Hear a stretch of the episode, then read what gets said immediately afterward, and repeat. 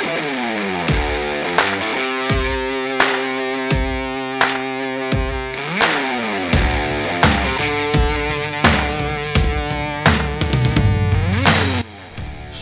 חברים וברוכים הבאים לעוד פרק בפודקאסט של תנועת אם תרצו.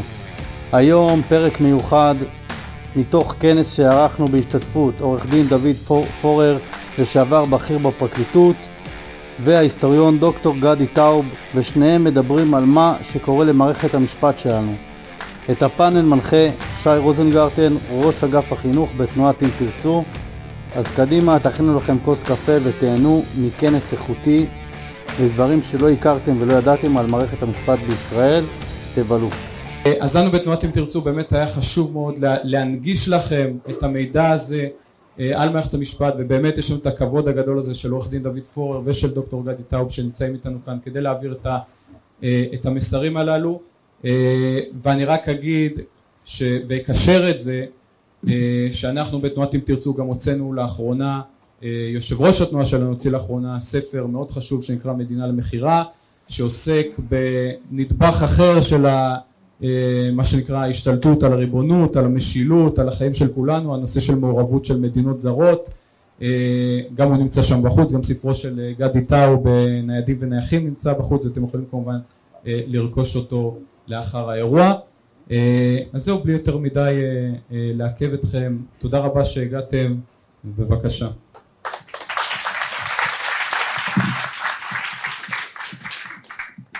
ערב טוב לכולם, ערב טוב גדי.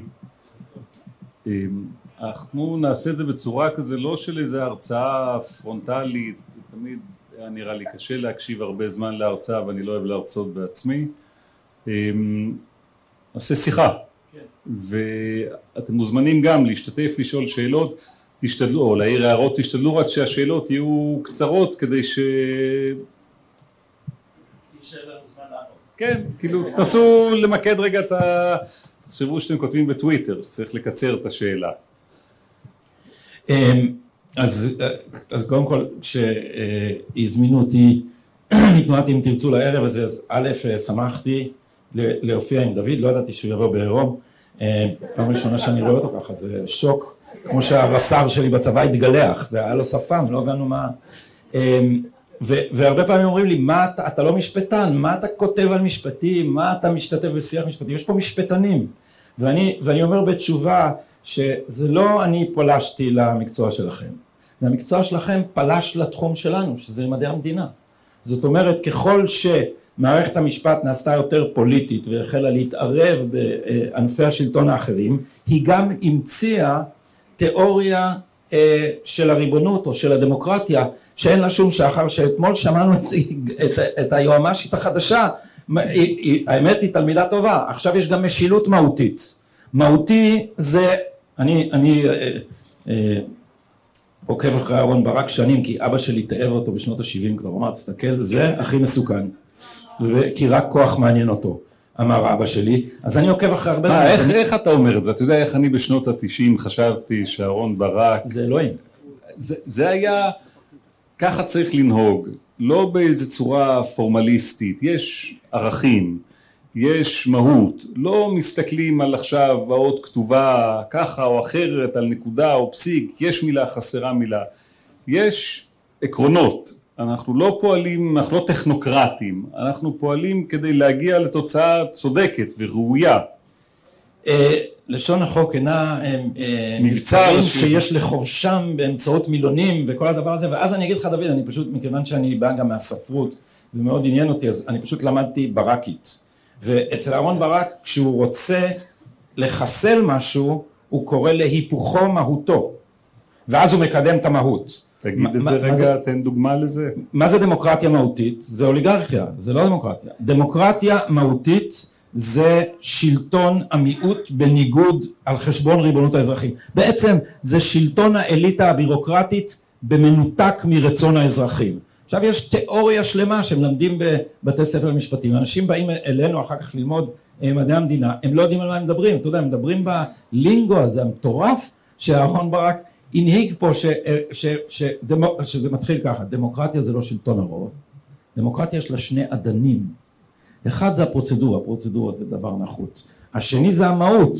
המהות זה זכויות אדם, שזה הדבר שאותו הם ידרסו אחר כך ברגל גסה, עכשיו השופט עמית אישר הודעה בעינויים, מעניין אותם כקליפת השום, זה פשוט היה דרך לבסס את שלטונם.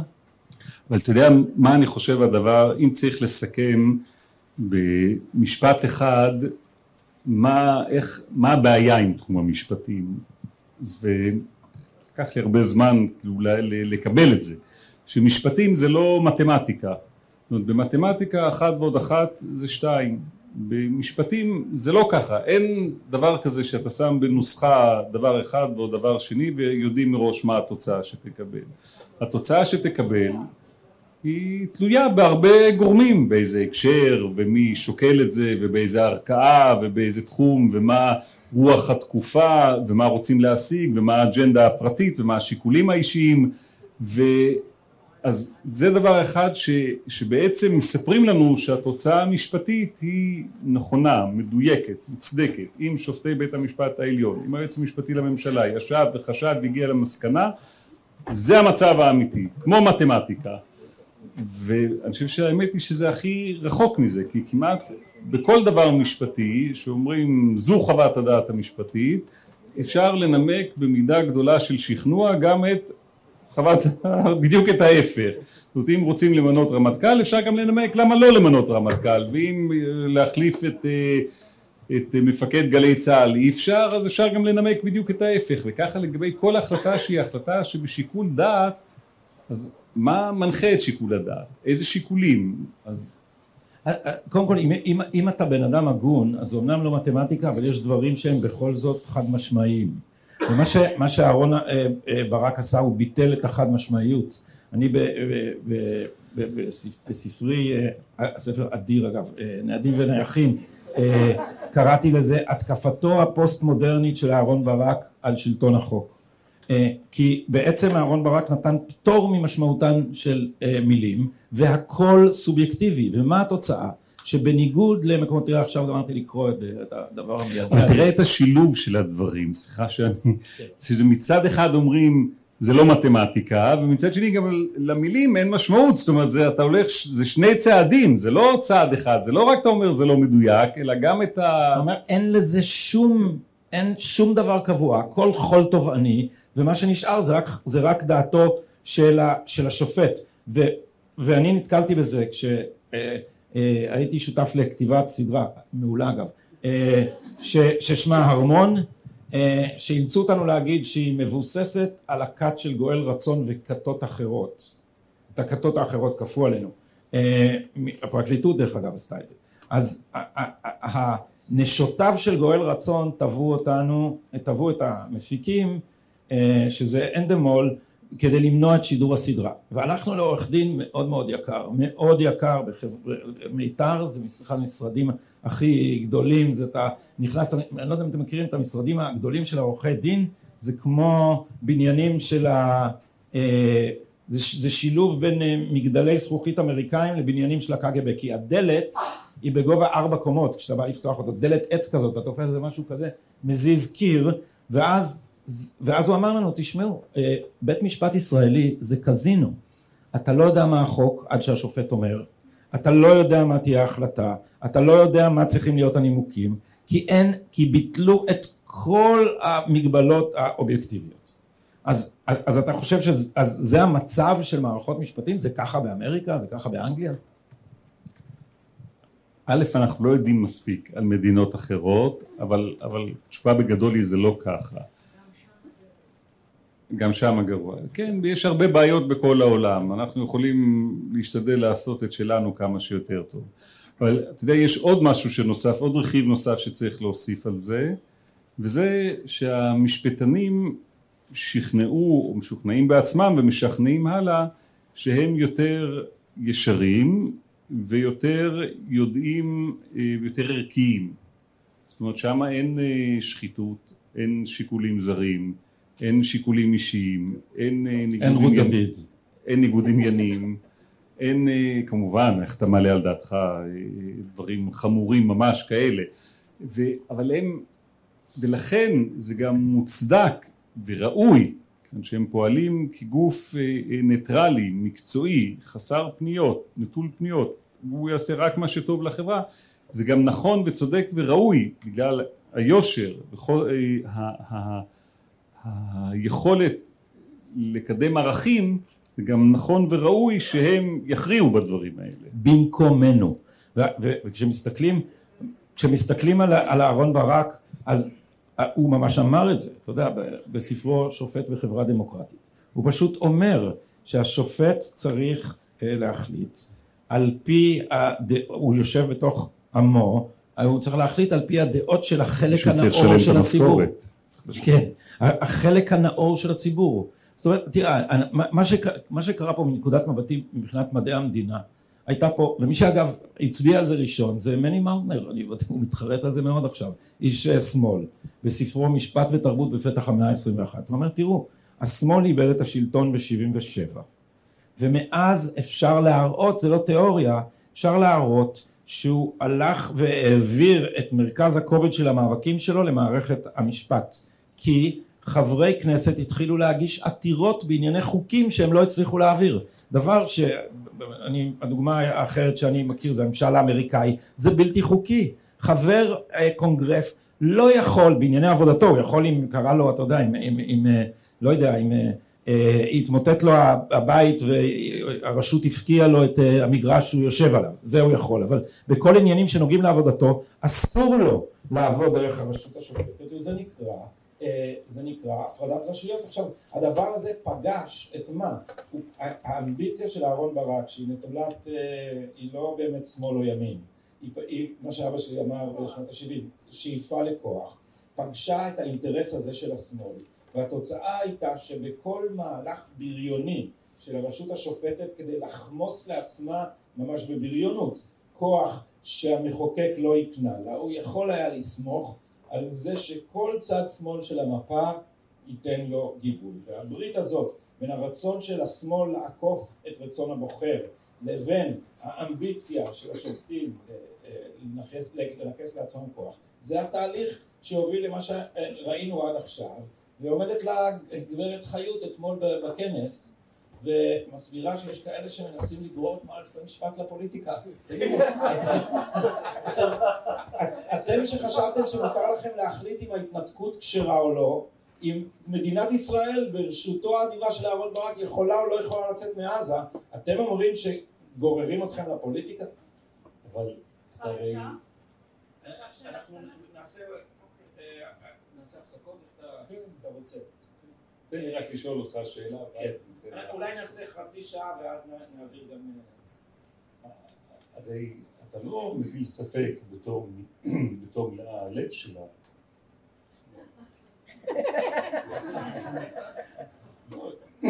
היא באה ואומרת, יש מערכת, אסור שייכנסו אליה שיקולים פוליטיים, צריך להגן עליה. זאת אומרת, מה שאתה אומר בעצם שזה הכל הצגה? כן. אה, אני, אני אצטט לך את דורית בן, שאיך לומר פה בעדינות, היא לא העיפרון המשפטי המחודד ביותר בקמר, היא אמרה פעם, בסדר, לעם יש את המפלגה שלו. אני אומר לכם, זה ציטוט. לעם יש לו איזה, כאילו, יש איזה הטריבונים של הפלבס. יש איזה מישהו, איזה נציב תלונות העם, שבסדר, שהעם ישלח לשם מכתב, מה הוא מתערב לנו בעניינים חשובים. האנשים האלה פשוט יש להם, אה, זה, זה לא, זה, התודעה האנטי דמוקרטית היא עמוקה. עכשיו, מה שאני חושב שקורה, וזה הדבר הכי חשוב שהתכוונתי לומר הערב. אני, מה שקרה... כבר עכשיו? כן, כן, כן. אני, אני רוצה שאנשים יספיקו לעכל עד שזה ייגמר. הדברים שראינו בוועידה אתמול הם לא מקרים. מה אמרו? אמרו הימין האנרכיסטי, הוא אמר, גדעון סער, אה, אמרו שיש, יאיר לפיד אמר שסכנה אה, של אה, אה, פירוק מערכת המשפט, אני לא זוכר את הלשון שהוא השתמש בה, אסתר חיות אמרה שאנחנו רואים התקפה על הדמוקרטיה, אחר כך נסעתי לירושלים ראיתי שלטים שכתוב מוכרחים להחזיר לישראל את היציבות, האנשים האלה מכינים עכשיו את האופציה שכשיהיה אם תהיה דדלוק בבחירות עכשיו הם יגידו שמוכרחים להציל את המשילות ואז המכון הישראלי לדמוקרטיה שזה השם הכי אורווליאני בעולם המכון הישראלי לדמוקרטיה אוהב דמוקרטיה כמו שמכון הסרטן בשיבא אוהב סרטן, זה אותו דבר, הם רוצים לעקור את הדמוקרטיה ויש להם הצעה, ההצעה היא שלא יהיו, שאחרי הבחירות ימנו את ראש הממשלה, ראש המפלגה הכי גדולה, הם מתכננים להתאחד בשמאל, ואז שנתיים לא יהיו בחירות, לא משנה מה, ואפשר יהיה להפיל את הממשלה רק ב-70%. זה לא תיאוריה של ביטול הדמוקרטיה, זה ביטול הדמוקרטיה דה פקטו, כי אנחנו לא בוחרים ממשלות, אנחנו בוחרים כנסת. ממשלה שתמשול שלא ברשותה של הכנסת היא ממשלה דיקטטורית, לא תיאוריה, דיקטטורית ממש, ואחרי זה הם אומרים עוד מה דוד, הם אומרים לא, ממשלה לא תיפול בגלל שהיא לא מעבירה תקציב. מה זה אומר?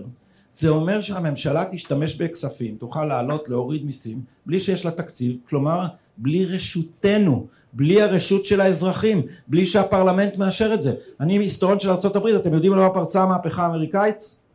No taxation without representation. השלטון לא יכול להושיט את היד לכיס שלכם ולקחת ממנו כסף בלי רשותכם, זה לא חוקי, זה לא דמוקרטי, זה נוגד את כל העקרונות של השלטון, של עקרון היסוד של הדמוקרטיה שזה שלטון בהסכמת הנמשלים. זה הפוט שהם מתכננים. והם מתכננים אותו, אני, הוא, הוא לדעתי הוא מתוכנן לפרטים. וזה מה שראינו אתמול, זה הכנת הציבור לזה, כי הולכים לרמות את הציבור ולהגיד לו תשמעו אי אפשר עם אי היציבות הזאת. אני לא רוצה, מי שמביא את הדוגמה של הנאצים תמיד מפסיד בוויכוח, אבל ככה עולות דיקטטורות, אומרים תשמעו אי אפשר עם הכאוס, מוכרחים שמישהו חזק פה יהיה, זה מספיק עם הפרלמנטים האלה, עכשיו צריך מישהו שיעשה סדר, זה מה שהם מתכננים לעשות. עכשיו הגדעון, תראו על איזה אנשים מדובר, גדעון סער, אביגדור ליברמן, אה, יאיר לפיד, זה אנשים, איך אה, לומר בעדינות, שאין להם שום מעצורים, שום מעצורים אבדן ובני כץ, אה, בני כץ, בני גנץ, שאני לפחות מוכן לעשות לו הנחה שאולי הוא לא מבין מה הוא אומר, אבל אם הוא מבין אז הוא שותף לעסק הזה. אבל די הרבה אנשים מהציבור תומכים בכך. מפני שאני חושב שמה שראינו אתמול זה הנטייה לטמטם אותם. אתה מביא אותי, אני לא רוצה לנאום פה ארוכות, אבל אני כבר הרבה זמן חושב, הולך להיות עוד פרק לנהדים ונייחים בספרון קטן נפרד, אגב ספרון מדהים, אה, ש, שהולך לעסוק בעיתונות, כי אחרי שיצא נהדים ונייחים, אמרתי, לא, אבל גדי, אחי, אתה אומר, תראה, הולכים, מה שאתה אומר זה, הרי הולכים לגנוב את הדמוקרטיה, הולכים לגנוב את הציבור, הולכים לקחת את כל כוח מהעם ולהעביר אותו לאיזה קבוצה, אבל תראה, יש באמת הרבה אנשים שתומכים במפלגות האלה. אז זו השאלה שלי אליך. אבל זה לא הולך ככה שרק אתה מראיין אותי. אה, אני, אה, זה מה, שאני, מה שאני חושב כבר הרבה זמן, שאנחנו מתנה, מתנהלים בתנאי אפלה, פשוט אפלה, אני היום עשיתי פיילוט עם אה, אורי משגב, אה, לתוכנית אה, שאמורה להיות ימין ושמאל. אבל אי אפשר להגיד, כולם באפלה ואני רואה את האור. א', למה לא? אה, כי העיתונות, העיתונות מחולקת לשניים, יש מוהנדיס אל פוטש שהם יודעים מה הם עושים ויש את אין סוף אלה שפשוט מדקלמים וחוזרים בשיא הלהט ואני יושב מול אורי משגב והוא אומר לי נתניהו לא עשה כלום לגבי הגרעין האיראני עכשיו מה כאילו איזה אתה כאילו העיתונות היא פשוט היא, היא, תפקידה להעיר והיא מטילה אפלה דוד אז אנשים לא יודעים. בן אדם תמים שקורא את העיתונים בואנה בנו לו טיעון משכנע זה כאוס אי אפשר זה נתניהו עשה את הכאוס זה נתניהו רוצה וגם לה... עם בן גביר. ובן גביר בדיוק ולכן צריך להציל את ה... וזה כל פעם אותו דבר. אני עכשיו אה, אני, אני, אני מנסה להתעניין בהונגריה זה, זה מאוד קשה כי מדברים הונגרית ואני לא. אבל יש, אה, יש קצת באנגלית והרי כל פעם שאנחנו מתווכחים אומרים אתם רוצים כמו בהונגריה נכון? אתם רוצים כמו בהונגריה. אני אומר לך כן. בבקשה. ויקטור אורבן ויקטור אורבן הבין את מה היינו הייתי באיזה כנס והוא איש מאוד נגיש שהזמין לשיחה חבורה זה דיברנו איתו שיח פרטי ולרגע אמרתי אני ארגיז את השמאל עד כדי כך והצטלמתי איתו יש לי תמונה אני שומר אותה לאיזה רגע שבו אני ארצה ממש לתקוע להם בעין והוא, והוא הסביר את הדבר הנכון. הוא שבר את המונופול של השמאל על מערכת המשפט ועל התקשורת ולכן הוא לא נמצא במצב שנתניהו נמצא. המונופול על מערכת המשפט ובמקביל על התקשורת תשמע אנחנו עוקבים אנחנו איפה ה 315 עדי שלום אנחנו, יש לנו מקורות עיתונות אמיתית, מקורות אמיתיים, ואתה יושב, אתה באולפן הפתוח גם של כנרת, אתה, אתה עוקב אחרי המשפט, אתה משפטן, אתה יודע מה הולך שם, הציבור לא יודע מה הולך שם, הציבור שומע על החקירה, הוא לא שומע על החקירה הנגדית, והוא ממשיך להגיד נתניהו המושחת הזה, הוא הרס את הכל, הוא הצוללות, הוא... הם,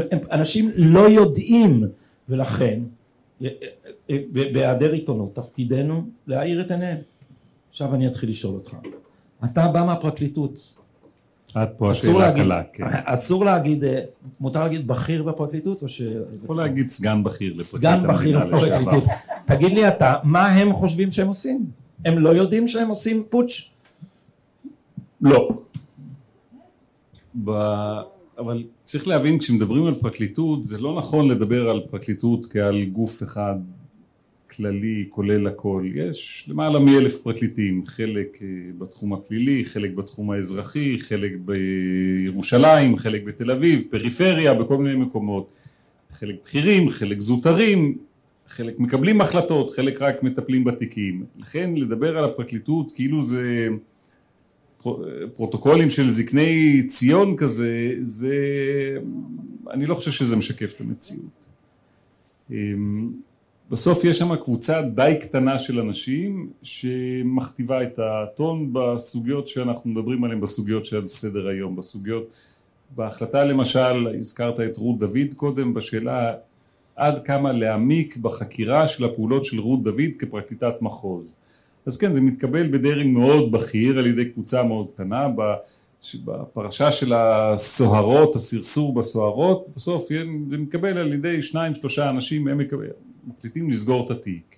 וככה בכל תיק יש איזו קבוצה קטנה למשל בתיק של ליברמן שהייתה חקירה הפרקליטות חשבה שצריך להגיש כתב אישום והיועץ ויינשטיין החליט לא להגיש כתב אישום.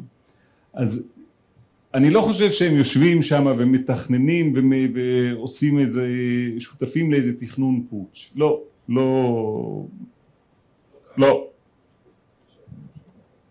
ודי לחכימה ברמיזה, זה לא תכנון פוטש, זאת אומרת אנחנו קוראים את המכתב הזה, הוא אומר אלשיך עשה, הוא מודה, שי ניצן, אה, מודה שאלשיך נהג באופן אה, לא ראוי, או בואו נגיד את זה במילים בוטות יותר משלו, שיקר ואז הוא אומר, אבל זה לא הזמן לחקור את זה, כי אנחנו צריכים לחשוב על טובת המדינה, חקירות נתניהו, ודי לחכימה. זה לא פוטש? מה הבעיה? אם מקבלים את התזה הזאת, המשמעות שלה היא כל כך חמורה אני, אני, אומר, אני אומר לך מה, מה, מה המשמעות, הרי אם, אם התזה הזאת נכונה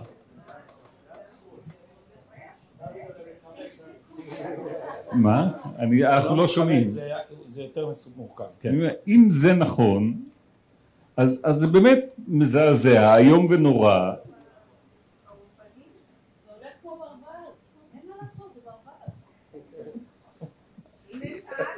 תרשה לי למחות רגע דוד, כי אומרים הפרקליטות, רוב הפרקליטות זה אנשים ישרים שעושים את מלאכתם נאמנה, תפסיקו להגיד את זה כבר, אנשים שנמצאים בארגון שהתרבות הארגונית שלו, אתה עזבת אותו, הנה אנשים הגונים עוזבים את הארגון הזה, מה זאת אומרת? בן אדם שרואה שמסביבו קורים דברים כאלה, איך הוא, איך הוא ממשיך לשבת שם?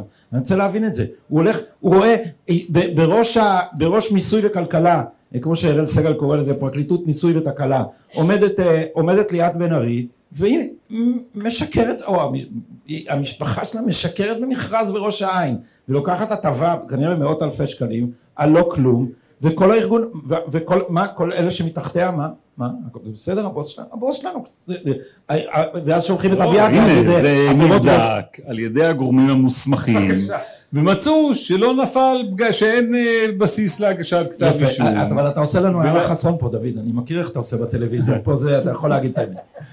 לא, זה המסקנה, או המסקנה הזאת, המחשבה הזאת, שבאמת יושבים שם באופן מודע ועושים אה, פעילות מתוכננת כזאת, אנחנו, אני לא יכול לומר אותה, אני לא מקבל אותה, אין ראיות לזה.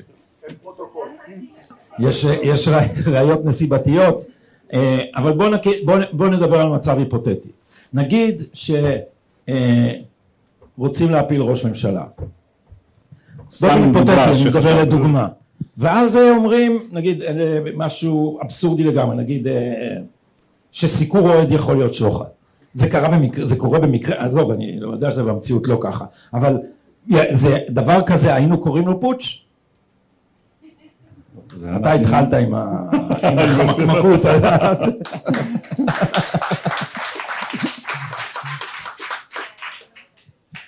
תראה, כל אה, מתת שניתנת לאיש ציבור במסגרת אה, היותו איש ציבור... די דוד, נביא את. אה, מה לעשות? תראה, פה יש, אני חושב, מה, מה נראה לי חשוב בדו שיח הזה? החמקמקות הזאת, החוסר יכולת להביא, זה לא שרואים סרטון ורואים אותו דוקר.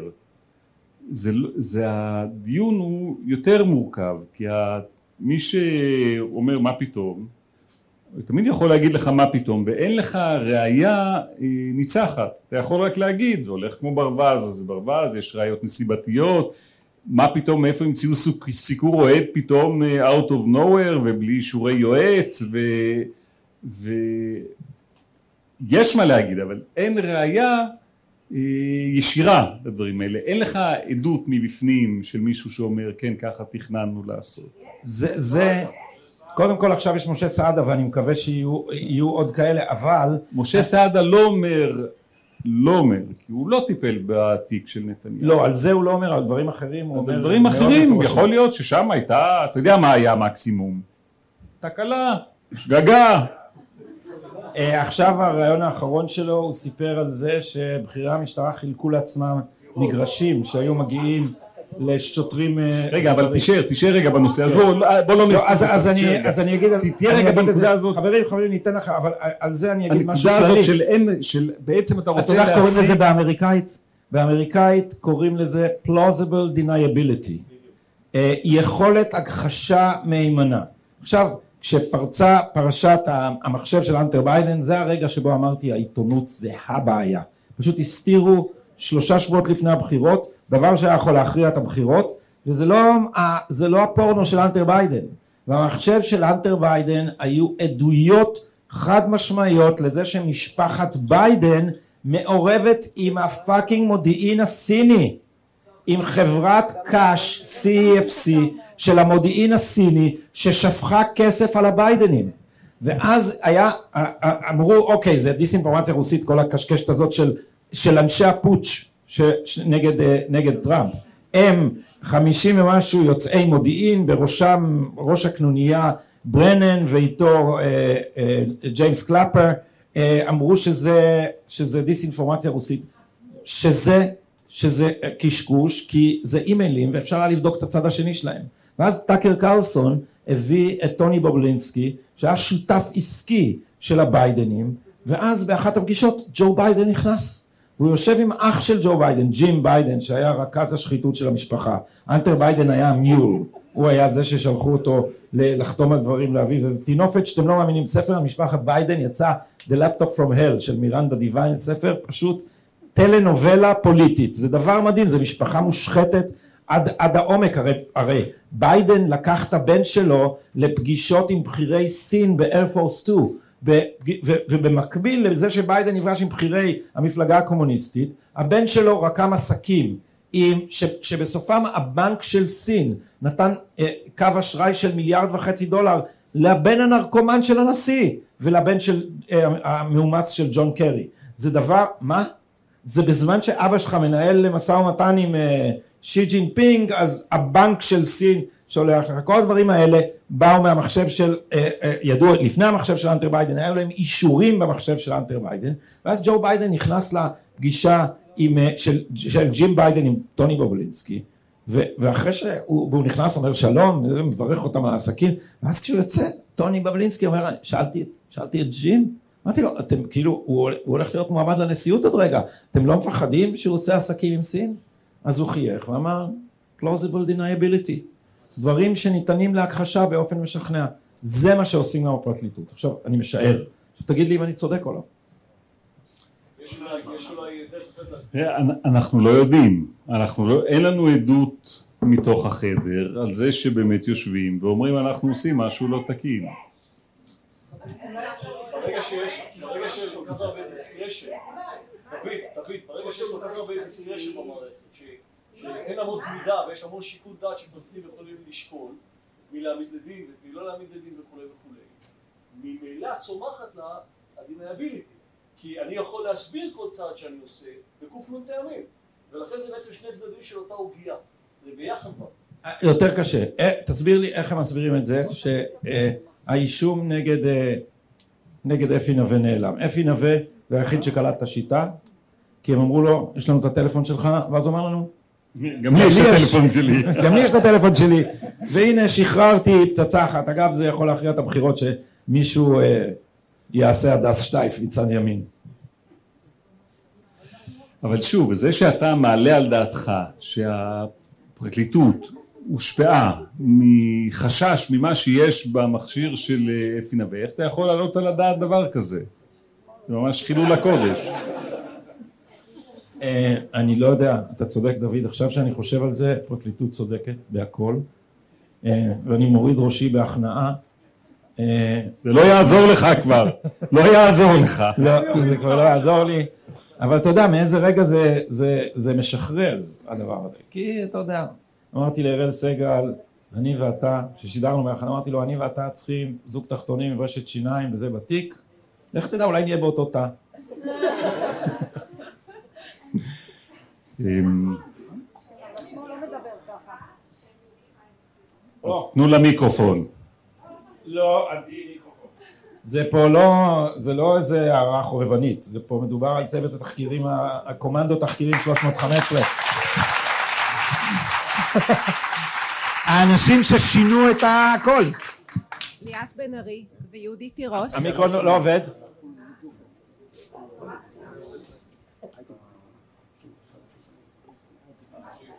בקיצור, ליאת בן ארי ויהודית תירוש לא רגע, רגע, לא מסוגלות שומעים. לראות לי בעיניים. לא שומעים, אומרים שלא שומעים? איזה ג'נטלמן.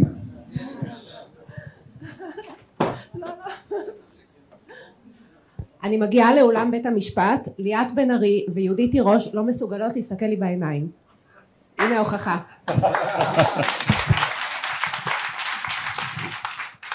בגלל שאת יותר יפה עדי. לא רוצה לסכסך. אה,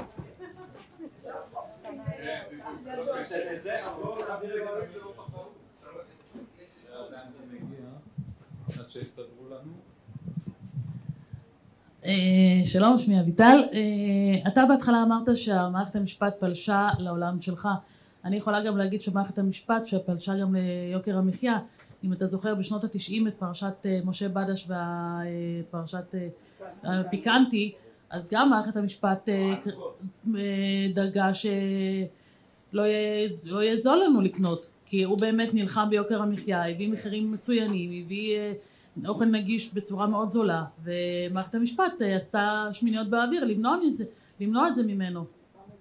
תגיד, תקנו אותי אם אני טועה.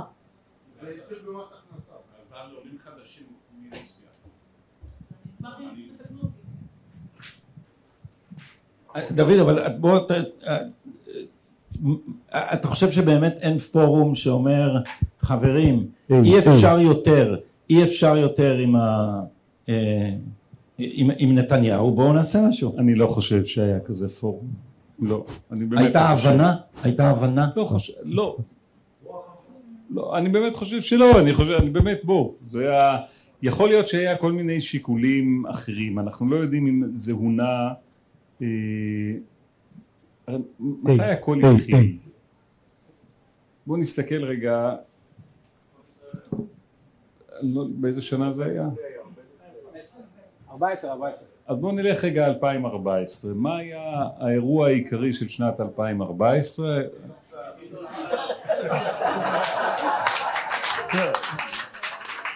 לא, לא, אז אני אחדד את השאלה, מה היה... שהיינו... לא, מה, מה... סליחה, סליחה, אני חייב להגיד, אייל ארד, ראו פעם סרטון, אייל ארד, אומר בואו נלך על הראש של ביבי. לא, מי, זה אייל ארד? כאילו... שיקפוץ אייל ארד, כאילו מי זה?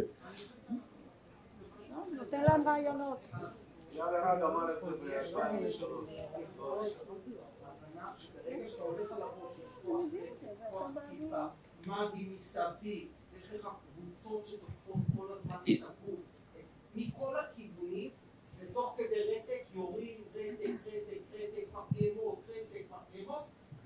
ומלכלכים עליך ובסוף אומרים שאתה גם מלוכלך אני, אמשיך את זה, אבל, דוד אתה, צריך, אתה, המומחה האמיתי אז אתה צריך לענות, אבל אני אגיד לך מה השערה, מה קרה.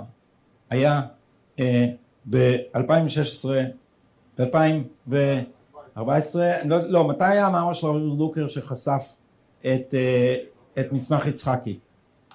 היה מסמך יצחקי, אה, חשפו את זה משמאל, רביב דרוקר. היה שבע פרשיות של ניצבים במשטרה. זה מה שהתכוונתי ב-2014. בבקשה. אז עכשיו, הדברים האלה, האנשים האלה, מני יצחקי, אני לא יודע אם מני יצחקי הוא כזה mastermind, אבל uh, מי שהיה סביבו... מה היה ב-2014? בואו ננסה לבנות רגע סיפור. יכול להיות שהוא המצאה.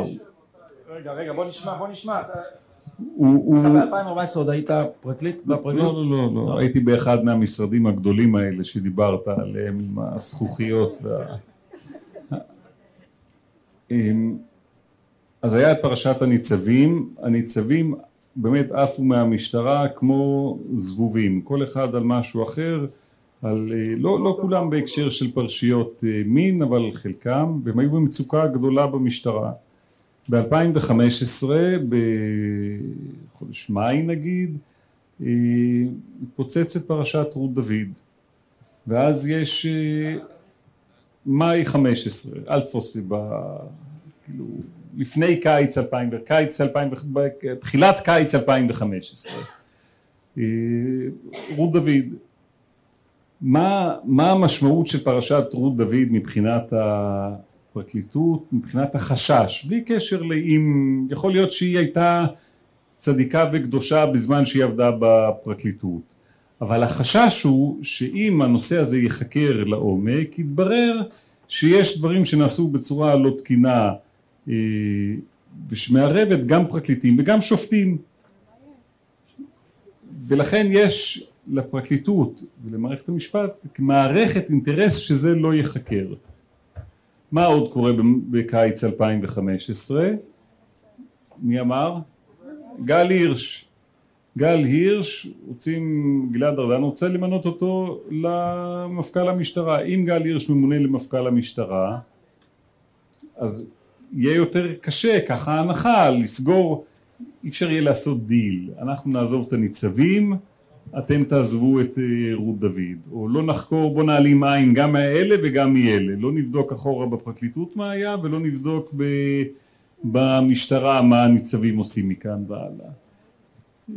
זה, אני כן יכול לדמיין איזה סוג כזה של חשיבה, כן, איזה סוג של, ואז מה קורה? התיק של גל הירש נמשך עוד מספר שנים, חקירה אחת על שוחד, חקירה שנייה על שוחד, שתיהן נסגרו מחוסר אשמה, שזה מאוד נדיר, מעניין לבדוק פעם אם היה עוד מישהו בתולדות המדינה שהיו נגדו שתי חקירות שוחד שנסגרו מחוסר אשמה והיום יש לו, אתם מכירים את הסיפור עם כתב האישום על המיסים אבל החקירות נגדו נמשכו כמה שנים, החקירה נגד רות דוד הסתיימה תוך חצי שנה, בסוף 2015 כבר סגרו את התיק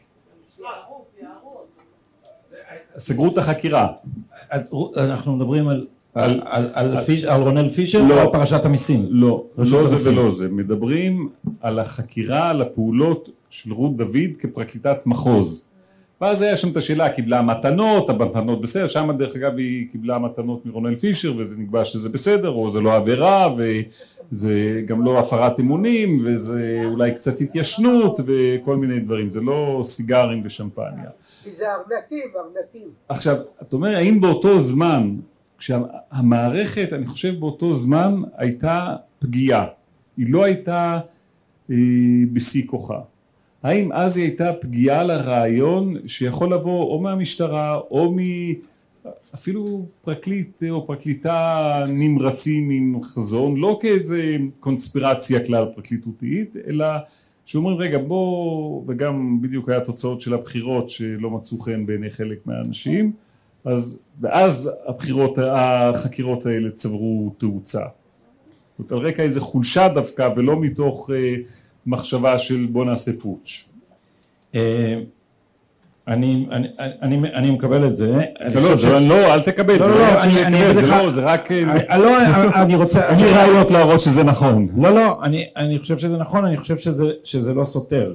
כי זה התחבר לשאיפותיה של האליטה, אה, בעיקר בעיתונות, שאני כיניתי אותם אה, כך: אה, נתניהו מושחת או שתהיה לנו מדינה דו-לאומית. זאת אומרת, כדי, לה- הם לא הצליחו להתמודד עם נתניהו פוליטית, אז צריך להגיד שהוא מושחת כדי למנוע לא? את הקטסטרופה הפוליטית. אבל אני חושב, זה לא הולך ביחד, נתניהו מושחת ולכן תהיה... כן, אצלם זה, דו-לאומית. זה הולך ביחד, אבל אני רוצה, אני רוצה להפנות תשומת לבך לעוד דבר מקביל שאני חושב ש, שקרה באופן ספציפי וזה מסמך יצחקי. המשטרה היה לה לא רק, אתה אמרת שהיו כמה פרשיות של ניצבים, אה, חלקן אמרת פרשיות מין, החלק השני זה פרשיות אחרות, מינורלי, אבל כל הניצבים הואשמו במשהו שקשור בניצול אה, סמכות בפרשיות אה, מהסוג שדיברתי עליהן. ו, ובינתיים עוד צרה צמחה להם. הצרה שצמחה להם זה מסמך יצחקי, שמתברר שהם נוהגים אה, מנהג ג'יי אדגר הובר. זאת אומרת, אוספים מודיעין גולמי על פוליטיקאים ומרכזים אותו, וברגע שצריך שולפים אותו, וזה זה, כדי ליירט מינויים, וזה מה שקרה לגל הירש, למרות שזה לא מתוך מסמך יצחקי, ששם זה היו חברי כנסת. עכשיו הלכתי לקרוא את הפרוטוקולים של הדבר הזה כי הארץ רעשה אחרי שיצא התברר מס- מסמך יצחקי ודודי אמסלם שהיה ראש אה, ועדת הפנים כינס את ועדת הפנים זה נקרא ועדת הפנים והסביבה לדיון והזמינו שם את, אה, את רוני אלשיך ואת, אה, ואת אה, את מני יצחקי ואת הפרקליטות ורוני אלשיך ומני יצחקי לא באו. ודודי אמסלם ראה שפה פה אצלנו זה לא כמו באמריקה מצפצפים על הריבון הם, לא, הם, לא חייבים לתת דין וחשבון. הוא ביטל מיד את הישיבה עד שהם יבואו. ואז הם יבואו ומכרו את התירוץ הכי עקום בעולם אומרים שרז נזרי או הבחור הישר בפרקליטות גיבה את התירוץ הזה שהוא ממש מביש. אמרו לא לא לא אנחנו עושים את זה רק בשביל בקרה. מה זה בקרה? כדי לוודא ששום דבר לא נפל בין הכיסאות אנחנו זה המדגם שעושה בקרה. איזה בקרה? מה אתם מבלבלים את המוח? יש פה אה, ערימה של מודיעין גולמי. ואז כל חברי הכנסת מכל הצדדים אה, התקוממו נגד הדבר הזה. הגדילה לעשות אה, מיכל רוזין אה, אה, הצדיקה הסלקטיבית. אמרה זה לא ייתכן שיאספו מידע על חברי כנסת כי היא גם חברת כנסת. ואז ואז יש עוד פרוטוקול עם יואב קיש שנתיים אחרי זה כשיואב קיש היה ראש הוועדה ופתאום השמאל נגד זה. ויואב קיש הביא את, אה, את, את, את תנ"צ גיא ניר לדבר בכנסת ומיכל רוזין שם רויטל סווייד עשתה שם הצגה שלמה אבל, אבל מיכל רוזין אמרה רגע רגע מה זה סיכול? מה זה זה? למה אתם מטילים דופי במשטרה? מה פתאום? אתם אומרים סיכול על גל הירש בסוף תגידו סיכול גם על נתניהו. כי אנחנו יודעים מה קרה עכשיו אתם רוצים לחלץ את נתניהו אז אתם תוקפים את המשטרה תסתכל מה קרה הם הבינו שחקירות נתניהו זה תעודת הביטוח נגד זה שיחקרו את המשטרה. עכשיו אני אגיד לך, אני, אני הבנתי את ההיגיון הזה לא כי אני מכיר כל כך טוב את הברגים והאומים של האופן שבו זה התנהל, אלא כי אני התעניינתי דווקא בפרשה אחרת, שהיא פרשת החקירות ה- ה- לא, לא חוקיות נגד דונלד טראמפ. ניהלו נגד דונלד טראמפ מסע השמצות מבוסס על חומר שאספה, אה, שאסף הקמפיין של הילרי קלינטון. והחומר הזה עליו ה-FBI התבסס כדי להוציא צו רוגלה, פגסוס, על הטלפון של קרטר פייג' שהיה עוזר זוטר, היועץ זוטר בקמפיין של טראמפ, זאת אומרת דרך הטלפון של קרטר פייג' הם שאבו את כל התכתובת של קמפיין טראמפ, זה ריגול אחרי הקמפיין הנגדי, ואז כשטראמפ נהיה נשיא, עשו מזה חקירה רשמית ומינו את רוברט מולר ונהיה זה למה מינו את רוברט מולר? כי עכשיו כל פעם שטראמפ אמר רגע אבל אתם, אה, אתם פה עושים אה, חקירה פוליטית אמרו לו אה אה אה אה אתה משבש הליכי חקירה זה מה שקרה גם פה. המש... ה-FBI הפך את עצמו למוגן ברגע שהוא חוקר את הנשיא שממונה עליו. זה מה להשערתי זה מה שקרה גם פה. זה מתאים להסבר שלך? שים לב שזה הסבר העם חושב ככה דוד, אתה...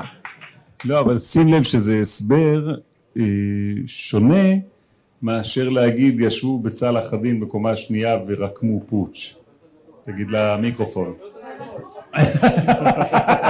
אני מסכים איתך, אתה צודק. זה, זה, זה נכון, אבל, אבל, אבל מרגע מסוים נהייתה איזה רוח שמוכרחים להוריד את ביבי, כי תסתכל מה יש בעיתונות.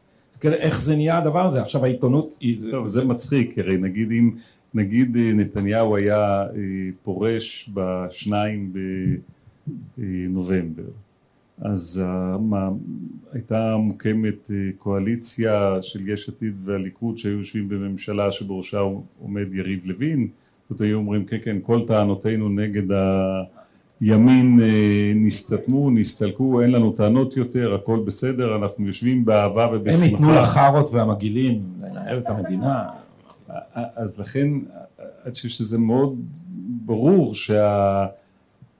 שלא צריך לחזור, הבגין וכזה, אבל הנושא הוא, הוא לא נתניהו, לא יהיה נתניהו, אז יהיה, לא יהיה ביביזם, יהיה לויניזם, יהיה משהו אחר, יהיה שם אחר שיגידו, הרי גם אומרים זה גם נתניהו וגם רגע גם בן גביר וסמוטריץ' הוא, הוא בסדר רק כי בן גביר הוא יותר חמור אז אנחנו אפילו לא מדברים על סמוטריץ' ו, ודרעי זה בכלל אי אפשר לדבר עליו אז, אז, אז הנה התשובה לשאלתך.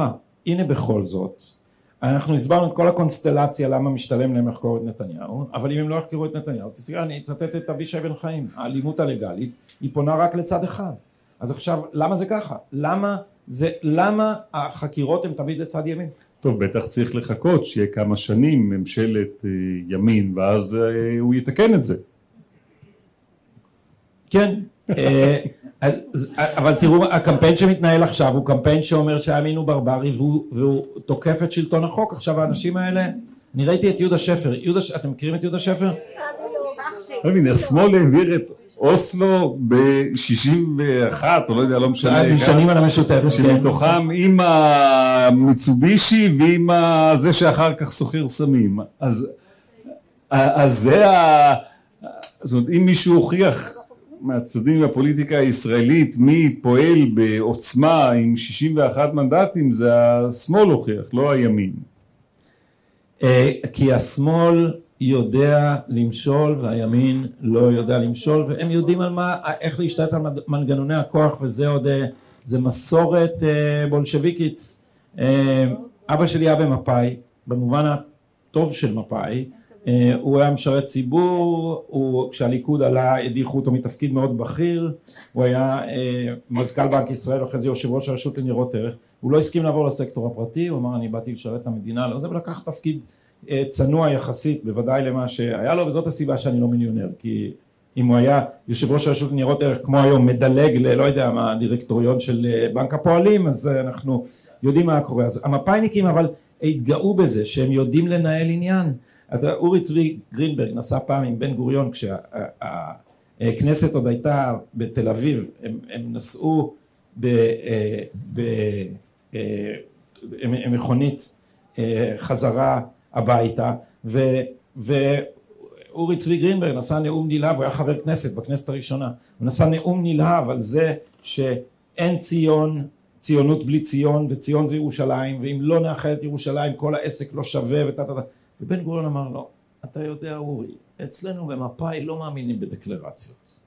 וזה, בדקלרציות. וזה הצד הטוב של מפא"י אני חושב שהיה להם גם נקודה עיוורת הם לא הבינו את החשיבות של סמלים בהרבה מובנים אבל זה בן גוריון. לא חשוב כאילו הדיבורים הסמליים עם הפאתוס. חשוב מי איפה אתם יודעים האמרה הזאת שמיוחסת לסטלין שזה לא ברור אם הוא אמר את זה. זה לא חשוב מה העם מצביע זה חשוב מי סופר את הקולות. אז את הדברים האלה השמאל מבין איך עובדים הברגים והאומים והוא לא מתבייש לעשות דברים הם הרי הוציאו את כולם, הם הוציאו את האופוזיציה פחות או יותר מהוועדות ולכן אני אומר אם הייתה עיתונות לא היה קורה הדבר הזה. אבל בישראל אין עיתונות יש מה שחוקרי עיתונות מכנים עכשיו פוסט ג'ורנליזם העיתונות לא מעוניינת לדווח על מה שקורה היא מעוניינת לחנך את הציבור. עכשיו ככל שהעובדות מפריחות את האמונות של העיתונות שהן שמאליות ככה צריך לטשטש את העובדות כדי לחנך את הציבור. ולולי זה אנחנו לא היינו במצב הזה. לולי זה היו היו, היו אה, שורקים פאול גם לדברים של השמאל.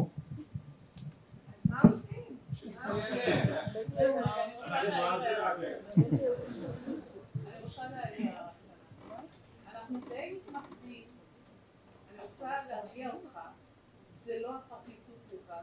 זאת אומרת, הפרקליטות והתקשורת הם כלים. אני מוטרדת עכשיו מהפוליטיקאים שמשתמשים בהם.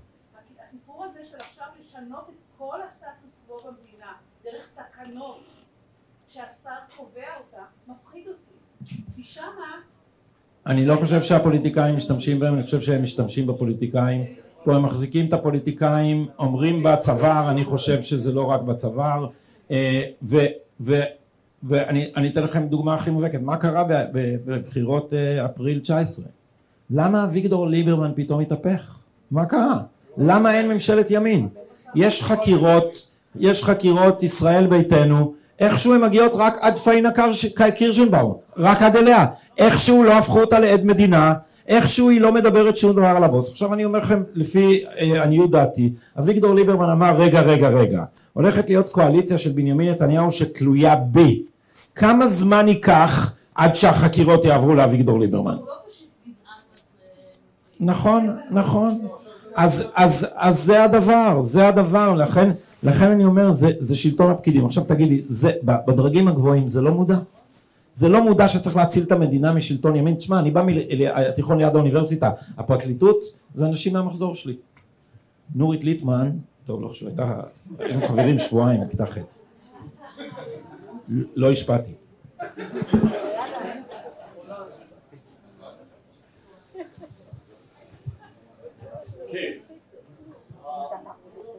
השיח שיש לנו פה עכשיו, בעיניי גם כן שיפור גדול על מה שהיה לפני חמש עשר שנים, אני לא מדמיין שדבר כזה יכול היה להתקיים, והתובנה כבר מחלחלת, הייתה לי פה שיחת אדם לפני כן על אבי אבוע, יש איזה tipping point שאתה אף פעם לא יודע בתהליכים חברתיים מתי הוא מתרחש, לי יש את ההערכה שלי, אני חושב קורה בראשון לנובמבר.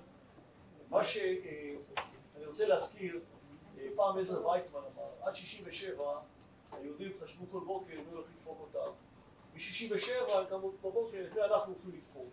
אז עכשיו אני רוצה לשאול שאלה כזאת. אתכם, דיברנו איך דופקים אותנו. אתה רוצה לדפוק אותנו? אני שואל שאלה כזאת. אתם מקצוענים במדע המדינה, במשפט. מהם שלושת הדברים המרכזיים שאנחנו צריכים ברגע שעולים לשלטון לטפל בהם כדי להתחיל לפרק את המגדל הזה שיתחיל לקרוס על הרגליים שלו?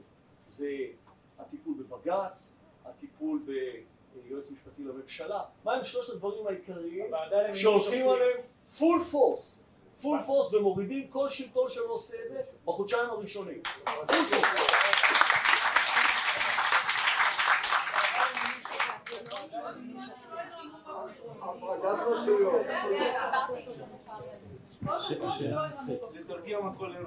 תראו, אני מבין את השאלה, אבל תן לי, אני לא עושה את זה באיזה הנאה, אבל לצנן קצת את ההתלהבות.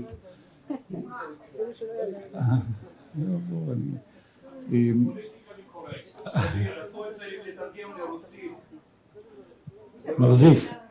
ברוסית לא מדברים בכלל כלום. כל הערוצים רוסים מדברים היידה ליברמן. אנחנו... ביבי גנב, ביבי גנב, ביבי גנב. כן, אבל זה, אבל, מיכאל, זה נושא אחר. אה, אני, אני, אם יש אנשים שמת, אם יש אנשים שמתנדבים לתרגם אה, פרקים של שומר סף לרוסית, דיברנו על זה, אתם מוזמנים לפנות אליי. אשמח. חסרים לנו ארבעה מנדטים האלה, זה לא אחת, סתם. בגלל שפה מדברים, לא מבינים, שאנחנו בדרך לברית המועצות. יש פיל בחדר שאתם לא רואים אותו.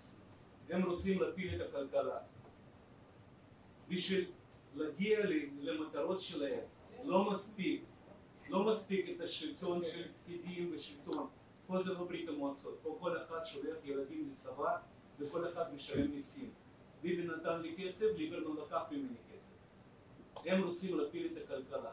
אנחנו לא ראינו, תוך שנה אנחנו עלינו ב-2%, אם אנחנו מפסידים בחירות, אנחנו עולים עוד 6%, וכל אלה שלקחו בעשר שנים היפות את הקרדיטים ב-0 אחוז, פריים פלוס פלוס 0, ויש להם עוד לשלם, המכוניות על משכנתות, הכל, כולם יהיו תלויים, כולם יהיו תלויים. זה בדיוק כמו שהיה בברית המועצות ברוסיה ב-95.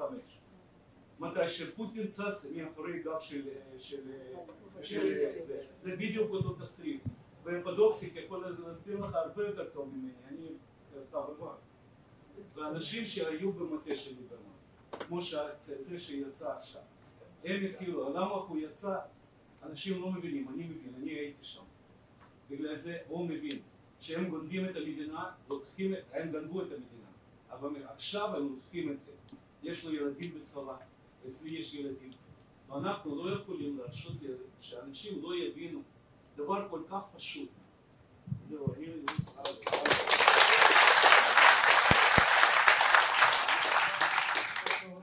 אתה כתבת גם בספר שלך שהאליטה הסלובית רוצה לעשות אותנו צוותים, הבנדים שלהם לכוחות שלהם, כוחות הכלכלה שמניעים את המדינה.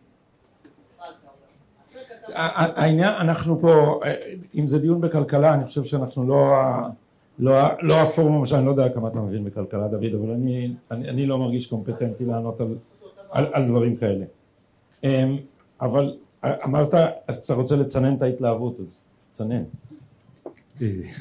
כן, איך קוראים לך? סליחה? מיכאל. מיכאל. אז תכף אני רוצה לחזור גם לעניין של מיכאל אחר כך, כי האמת שהנקודה, בוא, נשאר, בוא נתחיל רגע עם הדברים של מיכאל. כי, כי.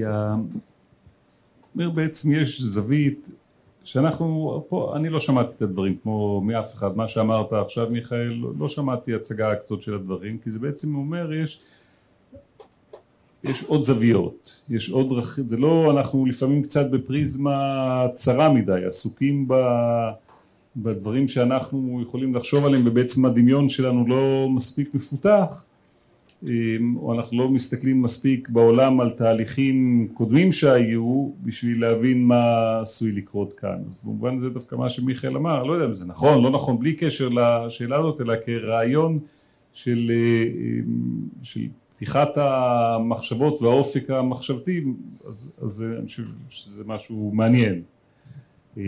עכשיו לגבי הצעדים שרצית לעשות לגבי מערכת המשפט. אז אמרתי אני אצנן את ההתלהבות. אני לא חושב שיהיו רפורמות. אני לא חושב שזה לא חשוב אם יהיו 61 מנדטים או 62 מנדטים לגוש הימין. לא יהיו רפורמות. זה, לא, זה האפשרות לעשות רפורמות אמיתיות להערכתי לא קיימת. יש אפשרות לעשות תיקונים מסוימים הייתי אומר מינוריים אפילו יחסית אבל למשל של הקמת גוף פיקוח אפקטיבי על הפרקליטות אני חושב שזה יש אני חושב שיהיה מאוד קשה ואני רוצה רגע להסביר את הנקודה הזאת. הרעיון של לעשות רפורמה דרמטית במערכת הפרקליטות המשטרה ובתי משפט עם קואליציית ימין צרה זאת לא בהסכמה רחבה זה לא יקרה זה לא, זה, זה פשוט לא יקרה, ולעומת זאת... יכול להיות שאתה צודק, אבל מה שיכולים לעשות כן, זה חקיקה שמייצרת עכשיו דדלוק. עכשיו, לכם יש את החוק שלכם, לנו יש את החוק שלנו, ועכשיו למה אתם יותר חזקים? זאת אומרת, אני מבין מה שאתה אומר, הכוחות שהתנגדו לרפורמות האלה, הם כל כך entrenched, הם כל כך מושרשים, הם לא ידעו לזה לקרות, אני מבין את זה, אבל אפשר יהיה לייצר מצב חוקי שכולי עלמא מודעים לו, שעכשיו אתם בהפרות שלו. זאת אומרת, למשל, פסקת התגברות ברורה וחדה. עכשיו יש דדלוק. אתה אומר ככה, אדון בית משפט עליון, ואני אומר ככה, אדון פרלמנט. עכשיו בוא נגיד שהרחוב ידבר. לא. זאת אומרת, לייצר הנקודה, הנקודה ברורה, תראה, פסקת, אני חושב גם שכל רפורמה כזאת בפני עצמה, נגיד פסקת התגברות, מדברים עליה הרבה, כאילו זה, זה פתרון קסם, בסוף בית המשפט העליון לא ביטל כל כך הרבה חוקים, וגם אלה שהוא ביטל זה לא חוקים, חלק גדול מהם הם לא חוקים כל כך חשובים. זה לא רק חוקים, זה גם החלטות ממשלה. החלטות ממשלה זה לא... בוודאי, חלק מהפסיקות של בג"ץ זה נגד החלטות ממשלה. חברים רגע רגע רגע רגע לא שכולם יתפרצו ביחד. זה כשאומרים פסקת התגברות המונח המשפטי זה מתייחס רק לפסילת חוקים. זה נכון, זה בקנדה, אבל זה לא בהכרח. לא, רגע, תבינו, כשאומרים פסקת התגברות, הכוונה היא לביטול של חוקים על ידי בית המשפט, חוק, לא החלטה מינהלית, ושהכנסת יכולה לחוקק את החוק מחדש. לפרק זמן מסוים. בואו, תנו לנו, תנו לנו רגע ל- ל- ל- לסיים כמה משפטים רצוף. לכן צריך להבין, כשמדברים פסקת, שוב, פסקת התגברות, נגיד נפסלו עד היום בשלושים השנה האחרונות שלושים חוקים בערך, שלושים סעיפי חוק, אה, אז אם יחוקק חוק שאומר במידה ובית המשפט העליון מבטל סעיף חוק, הכנסת רשאית לחוקק אותו מחדש, זה אה, פסקת ההתגברות. ועכשיו יש דיונים איזה רוב נדרש בכנסת כדי שיהיה אפשר לחוקק חוק מחדש. ואיך זה הולך עם הבדיחה הזאת עם ברנרד שור של המחיר ועכשיו כבר יודעים מה את ומה עכשיו זה רק שאלה של המחיר אז, אז הדיון הוא האם בדיוק, משהו כזה, כן. אז 61, אז כל הדיון הוא בין אה, 61 ל-72, זאת אומרת זה בערך ה... זאת אומרת הוא לא דיון מאוד אה, מעניין, דרמטי, הוא לא כזה חשוב בעיניי, ב... לא, יש אחרים שחושבים שזה הדבר הכי דרמטי שיש. זאת האם, מה, מה בעצם אומרים? ברוב של 61 אתה יכול אה, לצאת למלחמה, אתה יכול לחתום הסכמי אוסלו, אתה יכול לעשות אה, התנתקות, אתה יכול לעשות כל מיני דברים, ואולי צריך משאל עם או צריך רוב, צריך יותר, אבל יכולת לעשות הכל במדינה, אתה יכול לעשות בעצם הכל ב-61, אבל אתה לא יכול להתגבר על פסיקה של בית המשפט העליון שניתנה ברוב של שניים נגד אחד לדוגמה. אז, אז יש משהו אה, שמאוד חזק שגם תומך בעמדה ש-61 זה בסדר, זה גם לא רוב רגיל, זה לא 30 נגד 20, זה 61. ומישהו אחר יגיד לא לא לא זה כל כך חמור צריך לפחות 70. דוד, אתה מודה שאנחנו זונות ועכשיו אתה עומד על המקח. אנחנו לא זונות, חוק יסוד החקיקה צריך לקבוע... או, שלא דבר בשם עצמך, מה? כי אין לנו חוקה, נקודה. לא, אני, עכשיו רגע, נגיד יושקע מאמץ אדיר, ענקי, בלהעביר את פסקת ההתגברות, יהיה על זה הרי מתקפות, כתבות, מלחמת עולם על הדבר הזה, תצליח, ייקח שנה, תצליח להעביר פסקת התגברות. הלגיטימציה של הממשלה בעיני הציבור תיפגע בגלל ההתקפות הקשות עליה ובסוף כל ההישג אחרי השנה הזאת זה שיש פסקת התגברות שנו זה לא כזה אוקיי, דבר. מה- לפי דעתך שלושת הנושאים שאתה- זה לא זה אז מה כן? אני שואל מה כן? כדי להתחיל להשיג לאחור את התהליך שאנחנו כבר עד כאן איתו. אני שומעת את אה, עורך דין שפטל, הוא אומר תוציאו מהראש את העניין של אה, פסקת ההתגברות, תעשו חוק של הפרדת רשויות, ש- שבתי המשפט לא ייכנסו לעבודה של של הממשלה. במצב, תשמעו, אנחנו, יש פה שני דיונים, דוד, אני חושב. אחד, הוא מה אפשר לעשות מעשית בהתחשב ביחסי הכוחות כרגע. השאלה השנייה הוא מה צריך לעשות באופן אה, תיאורטי. אנחנו, אז אני מבין את דבריך שאת ה... אה, שאי אפשר לעשות הרבה בתנאים האלה, אבל בתנאים אחרים, מה היה צריך לעשות? אני חושב ששוב לא ההצגה של השאלה גם איך קוראים לך? משה. משה. וגם אתה גדי. זה כאילו אתם מניחים שיש איזה פתרון קסם כדי לפתור את זה. אני לא חושב שיש כזה. אני זו התשובה האמיתית. אני חושב שהבעיה או לא הבעיה הנושא הוא עמוק. מערכת היחסים החיבור העוצמה של הפרקליטות שפועלת בלי בקרה אפקטיבית אמ, אני לא יודע איך מתקנים את זה. אני לא יודע איך משנים את זה ביום אחד. אני יודע שאני לא בעד אה, רפורמה שמחריבה. אני לא בעד אה, להגיד טוב בוא נסגור את זה ונעשה חדש ולעומת זאת איך לשנות את מה שקיים זה, זה מורכב. זה לא, זה לא משהו אני חושב שצריך להשתחרר מהרעיון שאפשר כזה לתקן את זה באין קשר גורדי, שאתה יכול בהינף, במכת חרב אחת לפתור את הנושא, רק תעביר את החוק הזה ופתרת את זה, לא.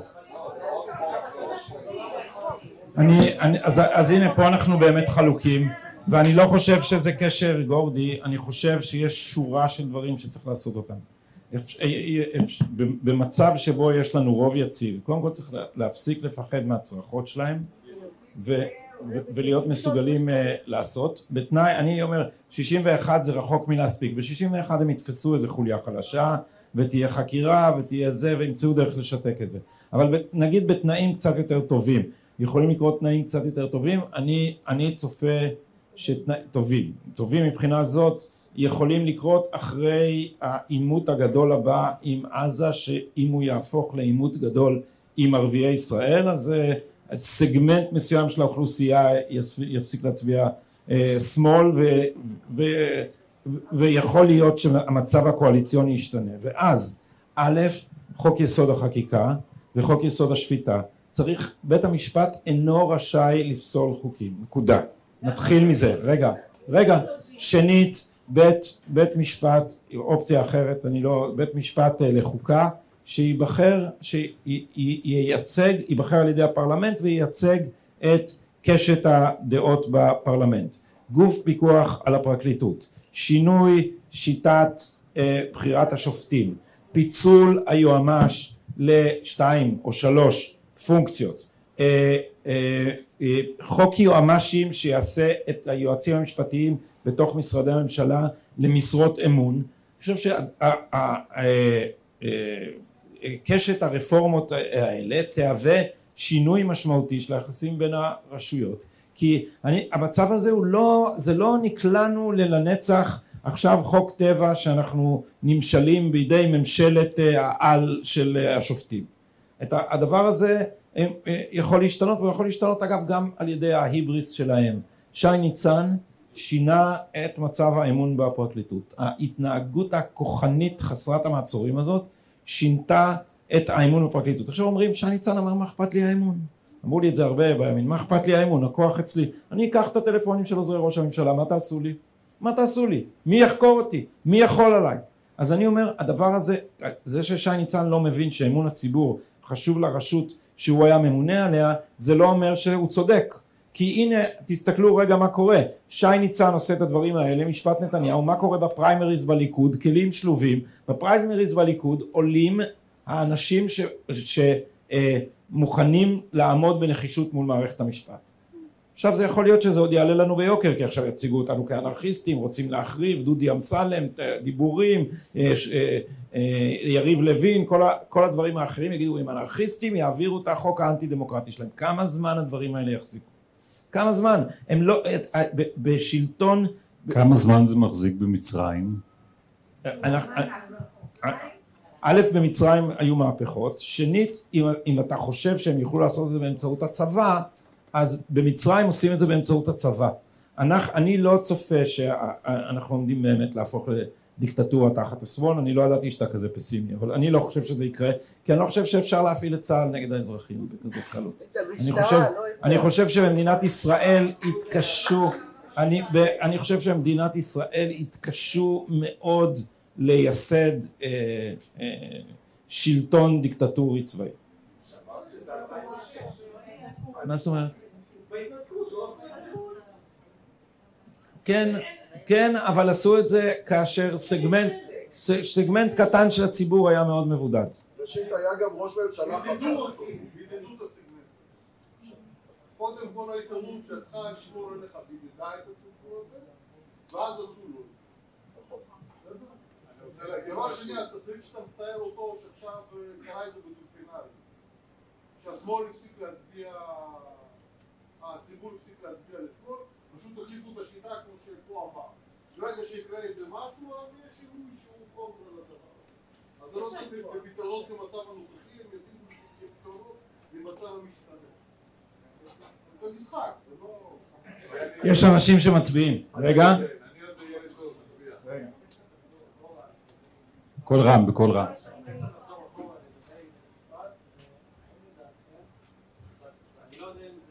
אהרן ברק הוא לא קשור לאהרן ברק, אבל האם לדעתכם מה שהוא יצר פה, אפשר זה- להגביר את הווליום של זה? זה יורד עכשיו. האם אה, מה שהוא יצר עכשיו בעצם, השופטים הם לא מסתמכים נגיד על אה, פרוטוקולים מהעבר, אלא הם פשוט, זה נתן להם לגיטימציה לדעות הפוליטיות שלהם ובעצם בעצם לחוות, כאילו להרשיע על סמך הדעות שלהם ולא על אה, פרוטוקולים ודברים כאלה כי אני לא כזה מבין גדול במשפט אבל ממה שהולך במשפט נתניהו והדברים שעולים שם אני זה, זה מקומם. והתחושה שכאילו הפרקליטות מנהלת את, ה, את השופטים. תראה, המשפט הפלילי בארץ, אנחנו רגילים לחשוב שהפרקליטות צריכה להוכיח מעל לכל ספק סביר, ו... אבל הפרוצדורה של המשפט היא מאוד מוטה לטובת הפרקליטות. השופט הוא לא רשאי לעשות כלום, הוא צריך לשבת ולשמוע, ואסור לו לגבש דעה. זה לא שהוא... אה, אה, אם השופטים מגבשים בשלב הזה דעה, או בעד התביעה, או נגד התביעה, זה לא בסדר, הם צריכים לגבש את דעתם רק... נכון, זה בסדר. אבל הם לא יכולים לגבש דעה, הם צריכים. חברים, רגע, רגע, רגע. זו באמת שאלה טובה, אבל זו הפרוצדורה שקבועה בחוק, החוק לא נקבע אה, באופן ייעודי לנתניהו. ככה חיים אנשים במדינת ישראל עשרות שנים, ואני יכול להגיד לכם שבאמת כמות עצומה של אנשים סובלת מהפרוצדורה הזאת, כי הם באים בסוף ואומרים אנחנו נעשה עסקת טיעון, אנחנו לא יכולים, יש לי חבר עכשיו הוא, הוא חושב שהוא זכאי, הוא יכול לנהל אה, משפט חמש שנים, יכול להיות שיצא זכאי, גם אם הוא יורשע הוא לא יהיה צפוי לעונש חמור כי זו לא עבירה כזאת חמורה ועבר כבר זמן. והוא יכול גם ללכת לעשות עסקת טיעון ולגמור עם זה. והוא חושב הוא חושב שהוא לא עשה עבירה אבל במחיר בין לנהל עכשיו משפט חמש שנים עם העלויות והלא לש... שתדעו לכם אנשים לא ישנים בלילה מי שיש לו משפט החיים שלו לא דומים מאותו רגע למה שהם היו קודם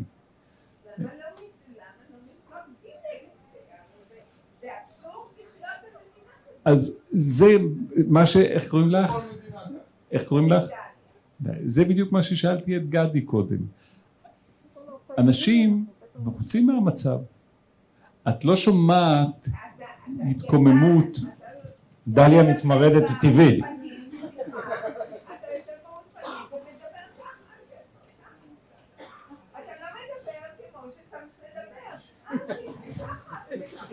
לא, לא, לא, הוא מדבר כמו שצריך לדבר.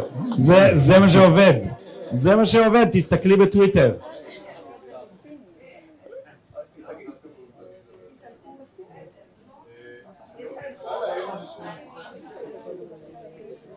כן, אפשר להעיר משהו? כן, בטח, כן, בטח. אני עוד פשוט חסר מילים אחריה. אתה יכול לסדר שיזמינו את דליה? לאיילה חסון?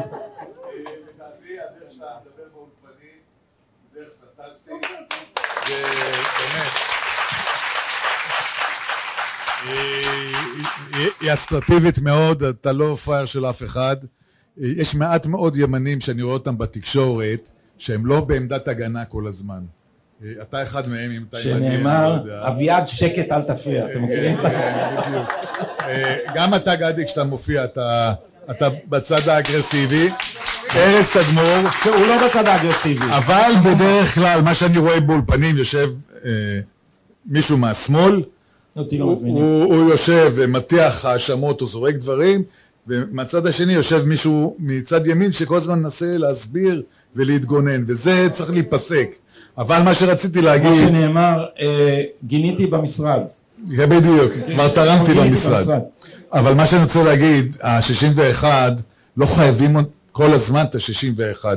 המהפכה החוקתית של אהרן ברק, שישב בכנסת לילה אחרי לילה, חיבר לעצמו קתטר שלא יפסיד משהו ויצא לשירותים וההצבעה הזאת תעבור, אה, חוק יסוד כבוד האדם וחירותו שעליו הוא ביסס את כל המהפכה החוקתית, עבר ברוב של 31 אה, מול 21 או משהו כזה, באמצע הלילה. ההתנתקות, אולי פה אני טועה ותקן אותי דוד, אני, ממה שאני יודע, כשהייתה התנתקות ורצו להגיש בג"צים, תמיד צריך להיות שופט בבית המשפט העליון שהוא השופט תורן, ואהרון ברק לא נתן לאף אחד לשבת, הוא ישב במשך חודש וחצי, לילה לילה או יום יום, השופט התורן, כדי לדחות את כל העתירות על ההתנגדות על הסף. מה שאני רוצה להגיד, השמאל נלחם בלי כפפות, והרבה פעמים עם נבוט ביד. והימין מסביר, אומר אי אפשר, כן אפשר, צריך להפסיק עם זה. אין מה לעשות. בוא תראה... אני לא איש פוליטי, אני גם לא מזדהה כאיש ימין. יש אה, אנשים בכנסת, יש אנשים שנלחמים למען המטרות הפוליטיות. אה, עושים את זה יותר טוב, פחות טוב. לחשוב שהם יכולים לעשות עבודה יותר טובה כדי לקדם אינטרסים של הימין, זה לגיטימי. אמ, זה מה שהם עושים. זאת אומרת, יש, מנסה להגיד את זה בלי, בצורה דיפלומטית, לשבת כאן ולהגיד שהם יעשו יותר טוב, תעשה אתה. אולי גם הם לא יכולים, אולי, חברים, אולי קודם גם הם כל, לא יכולים. שמעתם על 315? יש מה לעשות, יש מה לעשות, תהיו חרוצים, תשבו על הדברים האלה, תייצרו תוכן, ל, ל, ל, דליה, אני לא מדבר עלייך, את כבר בסדר, זה, זה, זה ברור, אבל, ואחר כך להתחיל לארגן הפגנות, אני לא יודע, יש אנשים, אה, ראיינתי את... אה, הנה קריים מיניסטר, הולכים כל סוף שבוע, יוצאים שלושה אנשים לגשר, עושים. כן. יש להם, אבל- ויש להם גם הרבה כסף.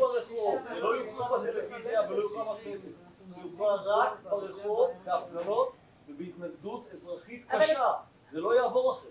אבל את יעבור שומעים אחרת. אז תשמע, קודם כל נתחיל מזה שהימין יצא להצביע, בואו נתחיל מזה. אחר, אחר כך שיצאו גם לרחובות, אני הייתי באלף הפגנות, אנחנו בהפגנות אה, מפתח תקווה, תקופת ההפגנות מול, אה, אה, מול, רחוק מהבית של מנדלבליט, אז קדימה, לצאת לרחובות, ב, ב, ב, זה, הדברים האלה לא עוזרים ברגע, הדברים ברגע. האלה הם, הם דברים, ברגע. הם מתגלגלים. עכשיו יש לי בשורות חשובות בשבילכם, יש לנו עוד רבע שעה, וברבע שעה הזאת אנחנו נענה לשאלות מהקהל, בניגוד לכל שאר הזמן. כן, מיקרופון, איפה? לא, אנחנו, יש הקלטת וידאו, אז רוצים שישמעו את השאלה שלך, גם מי שצופה בנו עכשיו בשידור ישיר ב-CNN. יש סיפור כלכלי מאחורי אה, העסקים האלה. כוחות כלכליים מאוד גדולים שתומכים במפלגות, מריצים דברים, הרבה פעמים אנחנו אפילו לא מכירים אותם. אני אגב בכלל לא בטוח אם גנץ יודע מי עומד אחריו. עד כדי כך. גם לפיד אגב. הם לא, הם לא תמיד יודעים מי הגופים ואנחנו די שותקים בעניין הזה. ראה מקרה סורוס, הוא לא צריך להשקיע הרבה כסף בשביל להפיל מדינות. אז אה, הונגריה וסינגפור אגב. אתה מוזמן להציג את הראיות ויהיה אפשר לעסוק בזה. זה- זה ה- לא, אבל, בסוף- אבל, אתם יודעים, לא, לא, לא רק צריך להציג את הראיות, מה אם, אה, אה, מכיוון שאפשר להתארגן גם מלמטה, ויש כל מיני פלטפורמות להתארגן מלמטה, אפשר במימון המון, במימון המון, אפשר להתחיל להתארגן. אז חברים, זה לא, אני, אני, אני אגיד לכם מה, כי אני מכיר, אני מכיר כל מיני, כל מיני פורומים של ימנים, ויש פורומים יותר יעילים ופחות יעילים, יש אם תרצו זה, תנו לאם תרצו קצת כסף והם הופכים את העולם. אתם זוכרים שארז תדמור כשעמד בראש אם תרצו, הסיבה שאתם כולכם יודעים שהקרן החדשה לישראל צריכה להיקרא הקרן לישראל חדשה, וכמה זה גוף חתרני, כי במאה אלף דולר בערך, אז אה, אם תרצו עשו קמפיין שידעו איך לתמרן את המדיה, כולם צווחו פשיסטים פשיסטים פשיסטים, אבל כולם ידעו אחר כך, זה היה קמפיין של. הם שמו להם אה, קרן לקרן החדשה, כי הם לא מפחדים, ועכשיו תשמעו, היה עם, עם, עם, עם אה, אה, כספים לא גדולים אפשר לעשות הרבה אם יודעים להתארגן. עכשיו יש בעיה שגם ברשתות החברתיות וגם בחלק מהפורומים של, של, של ימנים שהם הופכים לפורום תרפיה של קוטראי באנו לפה לקטר ולהוציא אה, קיטור וזה לא העניין אני, אני אוהב את הפורומים האלה לא בגלל שמוציאים בהם קיטור אלא בגלל שמגבשים פה הבנות אנשים מחליפים דעות מזהים אחד אה, את השני מזהים את הרעיונות אה, של, של עצמם זה בזה ומתחילים אחר כך להתארגן. אז אפשר להתארגן צריך פשוט להתחיל לעשות. אז רגע, יש לי שאלה, ינון נגע על הסף שני מיליון שקל, עד היום בית המשפט מקפיא את זה. כן, כן, כן, אני יודע שאנחנו אנחנו, עומדים מול כוחות גדולים, אבל לא צריך אה, להתייאש. קודם כל, תראה, אה, מה שאספו סביב משפט, אה, זה לא היה חסר ערך הדבר הזה, כי הראו, הראו את התמיכה בנתניהו סביב הדבר הזה, אבל אה, אה, אה, זה שחלק מהמאמצים שלנו ינסו לתסכל אותם וינסו לפגוע בהם, זה נכון, אבל חברים, אנחנו, ב, אנחנו במאבק, אה, הימין במאבק על עצם קיומו. אני חושב שזו נקודה חשובה, וזה נכון גם לימין, גם לשמאל. זאת אומרת, המחשבה של להגיד שמישהו יעשה, שהם יעשו, שמישהו, אה, זה לא קיים. זה היום כל אחד יש לו את הכוח אה, להשפיע ולעשות. אה, את מכירה את 315, דליה? אז מה, איפה המנהיגות פה? זה, זה ארבעה אנשים, לא צריך מנהיג בכנסת, ארבעה אנשים תפסו יוזמה, פרסמו את עצמם דרך רשתות חברתיות, עובדים, מה זה קשה, אני מכיר אותם, הם עובדים בזה מסביב לשעון, הם מייצרים חומר, הרבה מאוד, הרבה מאוד. אז, אבל, אבל בסדר, אבל, אבל אלה ארבעה אנשים, פה בחדר יש 120. מה פה, איפה כל השאר? אם, המחשבה. לא, אם המחשבה שההנהגה תבוא לחלץ אותך, נו, וזה באמת, אה, אני לא חושב שזה קיים בשום מקום בעולם, בשום צד. אחרי הזה תתפסו, תסנג'רו את דליה, שתעשה משהו, אני רוצה לראות אחרי זה בפגישה הבאה, אני רוצה לראות שהיא עשתה משהו, כי זה ההבדל בין לקטר ללעשות. דליה, תירשמי בבקשה אצל אם תרצו, בתום הדבר הזה, ואנחנו נמצא פעילות התנדבותית, לא במשמר האזרחי. נהדר. אבל יש עוד מי שרוצה לדבר. כן. היי גדי, אתה הצעת קודם אה, כל מיני אה, מספר שינויים אה, לעשות במנגנונים בשביל לשנות את המציאות. השאלה שלי היא האם למעשה כל שינוי שנעשה במרחב התמרון של קבוצה יריבה הוא לא סך הכל זמני, כי אנחנו יצורים די מתוחכמים, כל הזמן מתייעלים. אני רואה את זה קצת כמו שתי קבוצות לצורך העניין שאוהדות, זאת אומרת שתי קבוצות של אוהדים שאוהדות אה, שתי קבוצות שונות והם למעשה נגיד אה, עורכים את העימות שלהם בצורה הרבה יותר פרימיטיבית, נגיד רבים מכות, אז פה עושים את זה קצת יותר אלגנטי ואינטליגנטי. אבל אני לא- המוטיבציה אני לא רואה את זה בתור. קבוצות אוהדים, אנחנו הקבוצת כדורגל, אז בואו אנחנו נלמד לשחק, לא רק לעודד. אוקיי, וזה זה יהיה בר קיימא לדעתך לשנות לקונסטלציה כזאת או אחרת? החיים זה נהר זורם, הכל משתנה כל הזמן, הניסיון שלנו להשפיע על השינוי, זה כמובן אפשרי, כמה, באיזה מידה, האם נצליח לחולל מהפכה, אני לא יודע, אבל צריך לה- להמשיך להיאבק. תודה רבה. אה, אם אפשר להעביר את המיקרופון מתן, אה, יש לנו פה... היי, אה, אני חושב שיש משהו אחר. מי? מי? פה, פה, פה. כן, אוקיי. אני חושב שיש משהו אחר, קצת יותר, אה, יותר עמוק ב mindset. ברגע שאומרים את המילה ביביסט, אנשים פשוט מתכנסים בתוך עצמם. זה נראה לי באיזשהו מקום, בגרשיים, ההצלחה של התשקורת. שכשמישהו אומר לך ביביסט, אתה... זהו. לא, זה עבר. אני מכל מקום אני אומר אני ביביסט. אבל חברים, אני, רוצה לחזור למשהו שדוד אמר קודם. ת, תזכרו איך זה היה לפני אה, עשר שנים. ודרך אגב, אני לפני אה, חמש עשרה שנה, אה, בזמן אה, חקירות אולמרט, אמרתי זה רדיפה פוליטית. זה היה נורא קשה להגיד, כי אחר כך התברר שאולמרט באמת מושחת. אבל זה עדיין היה רדיפה פוליטית. כי תשימו לב, לאולמרט כמה חקירות, אני לא זוכר מתוך כמה חקירות בכמה הוא הורשע, אבל פתחו נגדו בסריה ענקית של חקירות, למה זה קרה? אומרים הנה זה הדוגמה שחוקרים גם את השמאל. לא זה לא הדוגמה שחוקרים גם את השמאל. זה הם פשוט לא הייתה להם שום דרך להפיל שום דבר על דניאל פרידמן שפרופסור דניאל פרידמן הוא מי שקצת עקב אחריו זה בן אדם שהוא באמת פרופסור מפוזר הוא שקוע בספרים כל היום הוא כותב אגב ספר נפלא הוא כתב על משפט בתנ"ך שראיינתי אותו על זה בפודקאסט אדיר שנקרא שומר סף והוא ו, ו, והאיש אדיר אדיר והאיש אתה צריך לבוא דוד אתה, אתה צריך לבוא אני יש לי אתה ברשימה שלי אני יודע שחמקת מזה בעבר אבל אתה לא תצליח לאורך זמן ויש לי אמצעים משלי להפעיל לחץ אז פשוט אי אפשר היה להפליל את דניאל פרידמן שככל הידוע שלי לא, לא, לא מצאו בקשה שלו להחזר הוצאות על כרטיס לאוטובוס אז לא היה מה לעשות נגדו, הוא ספון באוניברסיטה. אז הם תפסו את אולמרט, ואולמרט זה באמת לא בעיה, זה עם אימא של הדריירים, נכון? הוא הכל, אה, הכל קומבינות, ו, ו, ותראו מה הם עשו לו. לא. כלומר, אולמרט נראה כמו, אני רואה אותו בטלוויזיה, הוא נראה כמו האנשים שבמשפטי סטלין הפכו אותם ל, אה, לאנשים שמודים. הוא עכשיו ילך, והם עשו את זה, הם עשו את זה להמון אנשים. אה, המנגנון המפחיד הזה אחרי שפעם אחת הוא מתנפל עליך אתה או מתיישר או נרמס. אתה, גם אתה פסימי, יש עוד שאלות? בוא נראה עוד שאלות.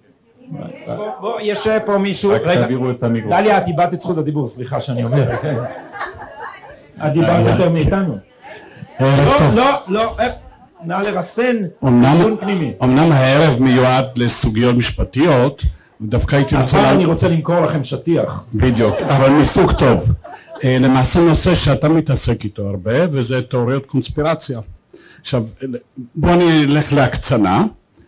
אי אלו גורמים כלכליים בעולם. יש להם אינטרס שנניח בארץ אנשים יהיו לחוצים כלכלית מבולבלים מבחינה משפטית, מבחינת מה מותר ומה אסור ונפשית ואז אפשר מאוד בקלות לעשות עליהם מניפולציות ואפשר לשלוט בהם בקלות והם גם לא יתקוממו. כל עוד הם במצב כלכלי קשה מאוד הם צריכים לשרוד והם צריכים, אין להם זמן ללכת להפגנות. הם צריכים לעבוד בשביל לשרוד עוד יום ועוד יומיים ועוד חודש.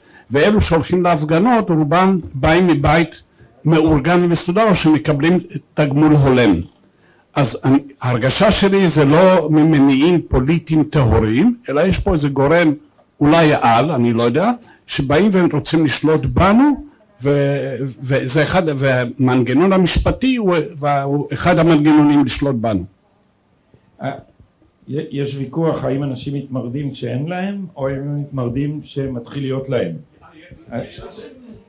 אני חושב שדווקא המצב, המצב הכלכלי בארץ הוא, הוא, הוא מספיק טוב שלאנשים יהיה זמן לעשות את זה. הבעיה היא בעיה שבכל מקום בעולם השכבות הנמוכות יש להם הרבה יותר, אה, יש, יש להם תחושה שהפעילות הזאת לא מועילה ולכן הם, הם גם לא יוצאים להצביע, להצביע יש להם זמן לא משנה מה מצבם הכלכלי נכון? כי זה יום חופש. אז חלק ממה שצריך לעשות זה להגביר את המודעות ולעודד אנשים כן לפעול. אה, ואת זה כולנו יכולים לעשות. לא יודע פה זה תל אביב זה לא פה זה לא מקום לעודד עלייה באחוזי הצבעה. אבל, אבל יש מקומות מעוזים של הליכוד שבהם מוכרחים להעלות את אה, אחוזי ההצבעה ואני מבין שהליכוד עכשיו הבין את זה יותר טוב מבעבר ואולי אה, שנה של דיקטטורה של השמאל אה, שכנעה יותר אנשים לצאת ולהצביע, אבל זאת הבעיה שלנו. אה, זה אומר, זמננו עבר. שאלה אחרונה מטעם, הנה שם, פה, הוא. מירי, את רוצה לשאול משהו? לא?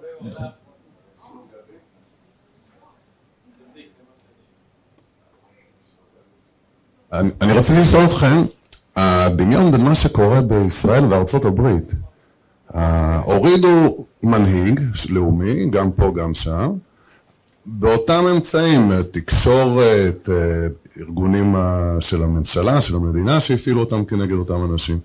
זה יכול להיות בגלל אנחנו דומים, או שיש איזה משהו מלמעלה שמדריך את זה גם בישראל וגם בארצות הברית? בוא'נה, זה שאלות קשות יש פה לאנשים, זה לא כזה על רגל אחת. אה, יש, אה, יש דמיון מאוד גדול, כפי שאמרתי, הספר שאני רוצה לכתוב, שיהיה לא, לא פחות טוב מהקודמים. הוא אה. תגיד על הספר אלנבי, אתה לא מספר? אני, יש לי הרצאה שלמה על אלנבי, תזמינו אותי. כתב ספר אחד הטובים שנכתבו בעברית, קוראים לו אלנבי. בבקשה. פעם הבאה, לי- אה, זה לא אותה הוצאה. אה, אה, נתתי עותק למפכ"ל דנינו בזמנו, אמרתי לו, זו ספרות מקצועית. אני לא יודע אם אתם יודעים, אבל היה למישהו רעיון שאני אהיה דובר המשטרה. באמת, היה רעיון כזה, וזה היה רעיון של דובי וייסגלס, הוא לקח אותי להיפגש עם דנינו, והיה הזוי. אה, ואבא שלי פעם היה דובר של משהו, של בנק ישראל, הוא אמר לי, אל תחשוב על זה דקה, אל תחשוב על זה דקה, אתה תהיה תקוע בין השוטרים שישנאו אותך כי הצניחו אותך, אותם אה, הצניחו אותך עליהם, לבין העיתונות ששונאת אותם, אתה תצטרך להסביר דברים של השוטרים שאתם לא מסכים איתם לאנשים שיכתבו ההפך ממה שאתה רוצה. אז אל תיתקע לתוך, לתוך הדבר הזה. ולשאלתך, הדמיון הוא אדיר, ואני אגיד לך בקצרה מה התזה שלי על זה. התזה שלי על זה היא שהאירועים האלה הם לא באמת משפטיים. האירועים האלה, וגם אנחנו רואים לפי כתב האישום המרושל הזה, שנחשף על ידי אה, חבורת 315 במערומיו, וגם על ידי הצוותים המצוינים של, של ההגנה של אלוביץ' ושל נתניהו, זה לא נועד להגיע לבית משפט, זה נועד לפגוע בנתניהו בקלפי. אותו דבר קרה גם בארצות הברית, ולכן המפתח לכל העניין, עדי, וזה חשוב להרחיב את הקטע הזה אצלכם, המפתח לכל העניין זה ההדלפות. החקירה מתנהלת לשם ההדלפות, לא להפך. וכשאתם מסתכלים בטלוויזיה אומרים, אה, אביעד גליקמן, הוא עובד אצל הפרקליטות. אביעד גליקמן הוא, הוא כמו שאם אפשר לצטט את דוד, שקט אביעד אל תפריע, הוא לא חשוב. מה שחשוב זה דרוקר, והאנשים, ו, ורולניק, ו, ו, וברנע, והאנשים האלה, כי מה שקרה בפועל, כשמסתכלים על הדבר בזום אאוט, בעיניים ניטרליות, זה לא אירוע משפטי. מה שקרה הוא לא שהעיתונות עובדת אצל הפרקליטות, זה שהמשטרה והפרקליטות הפכו למחלקת התחקירים הענקית של העיתונות, והם עוסקים בייצור הכפשה כנגד הפוליטיקאים באמצעים שיש להם, תשמעו מחלקת התחקירים של הארץ היא לא יכולה לשים אותך בחדר עם פשפשים ולא לך אוכל ארבעה ימים עד שתספק גרסה, הם לא יכולים, אבל הפרקליטות יש לה אמצעים להוציא, אני שמעתי את אה, עורך דין, אה, עורכת דין מירי פרידמן אצל איילה חסון אומרת, אה, ציטטה אה, קטעים שה- שהעד מדינה אומרת, תשמעו תנו לי רמז, תגידו לי מה אתם רוצים שאני אגיד, אני אגיד, רק ת- תתנו לי קצה, נכון? זה ציטוט פשוט אתה מסמר שיער, זאת מחלקת התחקירים של ייצור הגרסאות, במקרה של עבריין זה לא עובר דרך העיתונות, במקרה של נתניהו יושבים פה יושב צוות ענקי, אתה אומר דוד זה לא קונספירציה, אבל זה קרוב מאוד לזה, כי הם מייצרים אה, חומר תעמולה שאמור לפגוע בנתניהו בבחירות, ולכן אני אומר, ההיגיון הפנימי של כל זה תמיד היה, נתניהו מושחת או שתהיה לנו מדינה דו-לאומית. אתה מסתכל חברי בן דרור ימיני שהתחיל להגן על, ה, על הממשלת התועבה הזאת, כי האנשים האלה חושבים באמת שכדי להציל את ישראל צריך להיפרד מהפלסטינים ולח... ומי שמפריע לזה זה נתניהו בעיניהם, כלומר הם מעדיפים לחשוב שזה נתניהו לא המציאות ולכן נתניהו עומד על דרכנו לישועה ומוכרחים להוריד אותו. זה אמונה כמו דתית. זה, זה אמונה, האמונה, מאג... זה תמיד קונספירציה, מה זה קונספירציה? זה לא תמיד חדר עם, עם אה, חדרים אפופי עשן, זה הרבה פעמים אידיאולוגיה ומטרה ותפיסת עולם שמאחדת את כל הברגים ואני אני רוצה להגיד לכם כי אני יודע שעיתונאי בכיר מסתובב לא עם הדלפה, מסתובב עם כל החומר של תיק 4000 יש לו את כל החומר של תיק 4000 מהפרקליטות פשוט העבירו לו, זה דבר עברייני אבל את כל העסק הזה הוא אני יודע כי הוא משוויץ מה יש לו על, ה, על, על, ה, על ההארד דיסק של, ה, של הנייד מה הבעיה? מה הבעיה? מה זה להעמיד לדין? מי, את מי? הדס שטייף, מה זה להעמיד לדין? הם מחליטים מי יעמוד לדין, הם, הם לא יעמידו את עצמם לדין. עכשיו אה, מטעם ההנהלה יש לי הודעה, בנימה אופטימית זו אנחנו נמשיך את הדיאלוג באופן פרטי במבואה.